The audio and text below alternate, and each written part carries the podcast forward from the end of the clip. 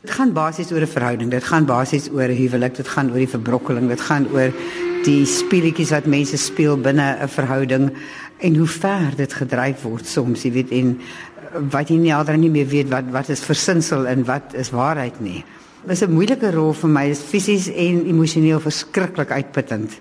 Maar as jy met 'n jong regisseur soos Christian Olwagen werk, dan verskuif hy nogal jou grense om minste te sê.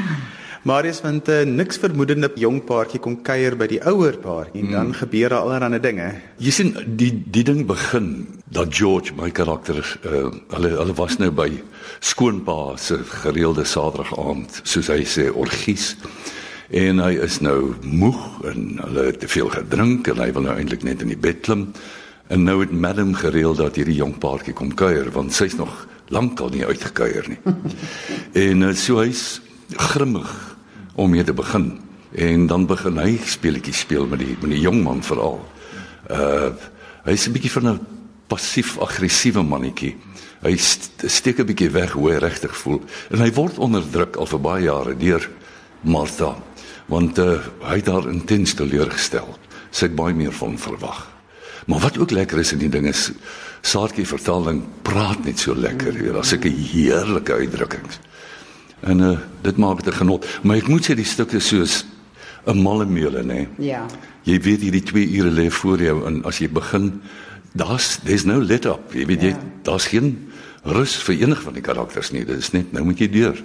Ek dis 'n skop in die maag aan die einde. Na die laaste bedryf, ehm um, is dit die, la, die laaste wat hy Walpurgis nag noem. Ja, ja. En dit is 'n Walpurgis nag. Dis waar die twee mekaar uitmekaar sien. Dit is waar George in sy volle glorie uitkom as iemand wat eintlik verskriklik verpletterend kan wees wat hy die hele huwelik eintlik uitmekaar het skeur omdat hy van die illusies ontslae moet raak wat binne die huwelik is sodat dit dalk kan voortgaan. Mens sien werklik waar 'n ander sy van George as wat jy vroeër sien. Vroeër dink jy Martha is eintlik die die aaklige ene want sy is ek meen sy sy stoot hom sy um, sy sy sy druks naalde swaarde in hom mm. in sy probeer reaksie kry die hele tyd want sy sê hy doen niks nie jy sit net daar jy sit net daar en praat en jy's so vervelig doen net iets doen net iets jy weet. En dan kry sy haar wat die Engels sal, sal sê come up and van dan begin hy. En as hy begin dan is dit 'n wreedheid wat ongelooflik is. Nou Christian Olwag en jy het nou al verwys na hy is die regisseur Wat maak die proses saam met hom so spesiaal? Ek dink omdat ek 'n rol oorgeneem het, was dit vir my moeilik aan die begin. Ek moes inspring na al klaar die, die stuk opgevoer het. En uh, hy was baie geduldig daarmee want ek het nie baie tyd gehad nie. En hy het maar so hier en daar toutjies getrek en my in die regte rigting gestuur en so aan. En baie subtiel, baie skerp, baie in detail gewerk. En toe het ek die groot voorreg gehad ook om saam met hom en Sandra te werk in Semew en daar het hy my voet onder my uitgeslaan want hy het 'n benadering van Chekhov gehad wat my verstom het. Ek het net gedink, "Boy, ons gaan te ver. Ons gaan heeltemal te ver. Ek ek is nie met jou nie." En geleidelik toe sien jy maar hy weet wat hy wil hê en hy's bereid om grense te verskuif en dis uiteindelik was dit vir my baie opwindend. Dit is wonderlik om weer saam met Marius te werk, regtig. In Semo en in hierdie en en en ook in in vir ewig en altyd wat ook 'n moeilike stuk was om te doen, maar dit is fantasties om weer saam met Marius te werk. Alhoewel ek moet sê ons het dit 'n bietjie begin oordryf, want na ons vir ewig en altyd gedoen het, uh, het ons 'n film gemaak. Uh 2 grade van moord. En uh, in vir ewig en altyd is sy die vrou wat die uh, aan kanker ly en genade dood wil hê in my karakter wat dit teenstaan. En in die film was ek toe die man wat uh, ernstig siek was en sy is dan die een wat die genade dood moet toepas. of toepas of nie. Maar is van die uitdaging is julle ken mekaar so goed en elke keer speel hulle verskillende rolle teenoor mekaar. Is daar baie keer 'n plek wat die twee met mekaar in wisselwerking tree van verskillende rolle, maar ook dat julle mekaar so goed ken? Nee, dis vir my net 'n absolute genot want omdat ons mekaar so goed ken en al so lank saamwerk is dat ek voel ek het meer vryheid om verder te gaan uh met haar in 'n toneel. Uh in in dis ook die ding ek ek wil nie 'n toneel moet vooraf so dood bespreek word dat as jy dit doen dan gaan ek dit doen. Mm. En daai tipe ding. Ek wil hê mense moet oop wees vir dinge om te gebeur. Ek gooi vir jou iets en jy gooi iets terug en jy reageer in in slaan my van my voete af want ek het dit nie verwag nie. Maar as jy dit wil doen, dan moet jy mense kan vertrou. Ja. En dis hoe ons ou lang baadjie het dit vir ons gegee. Ons kan mekaar vertrou. Maar Sandra, watter rol speel intuïsie wanneer spelers mekaar goed ken? Ek dink geweldig baie. Um, ek werk nogal baie intuïtief. En dan is dit die regisseur se werk om vir my verder te stuur en verder te vat. En ek ek dink omdat ek en Marius beide intuïtief werk, hmm. is dit baie lekker want daar kan goed gebeur skielik in 'n toneel wat dis klein goedjies, dis klein verskywings, maar dit is miskien 'n emosionele verskywing of so wat soos Marius sê jy nie te wagte is nie en dan gooi dit die ding in 'n ander rad in en dan dan as jy vertroue het, is dit lekker, maar as jy met iemand werk wat jy nie heeltemal vertrou nie, dan kan jy dit nie doen nie. Nee, nee. Ja. Julle is nou albei sulke groot name in die bedryf, maar wonder ek altyd het al van die jong regisseurs met julle geraas oor goed. so ek Christian gee my 'n jolly harde tyd elke dag.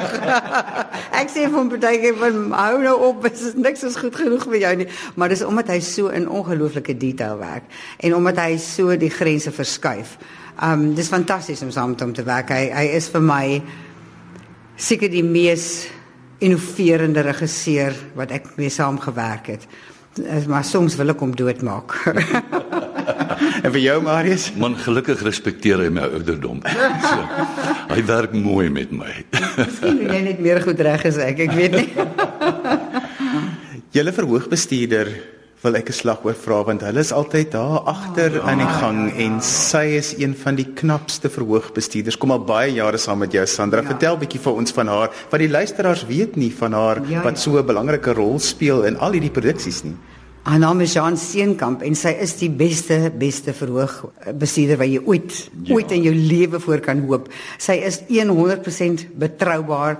Ek hoef nie eers my goed te gaan na sien op die verhoog nie. Ek kan maar net op die verhoog gaan ek weet sy gaan niks vergeet nie. Ek meen ek gaan kyk al alles daar is. En ek dink in al die jare wat ek met haar saamgewerk het, het sy een keer 'n telepel vergeet en dis al. En ek meen dit is ongelooflik want sy onthou dit nog steeds. En sy onthou maar ek maak haar dit onthou. Jy sien want sy is so perfek dat dit mens bedreig.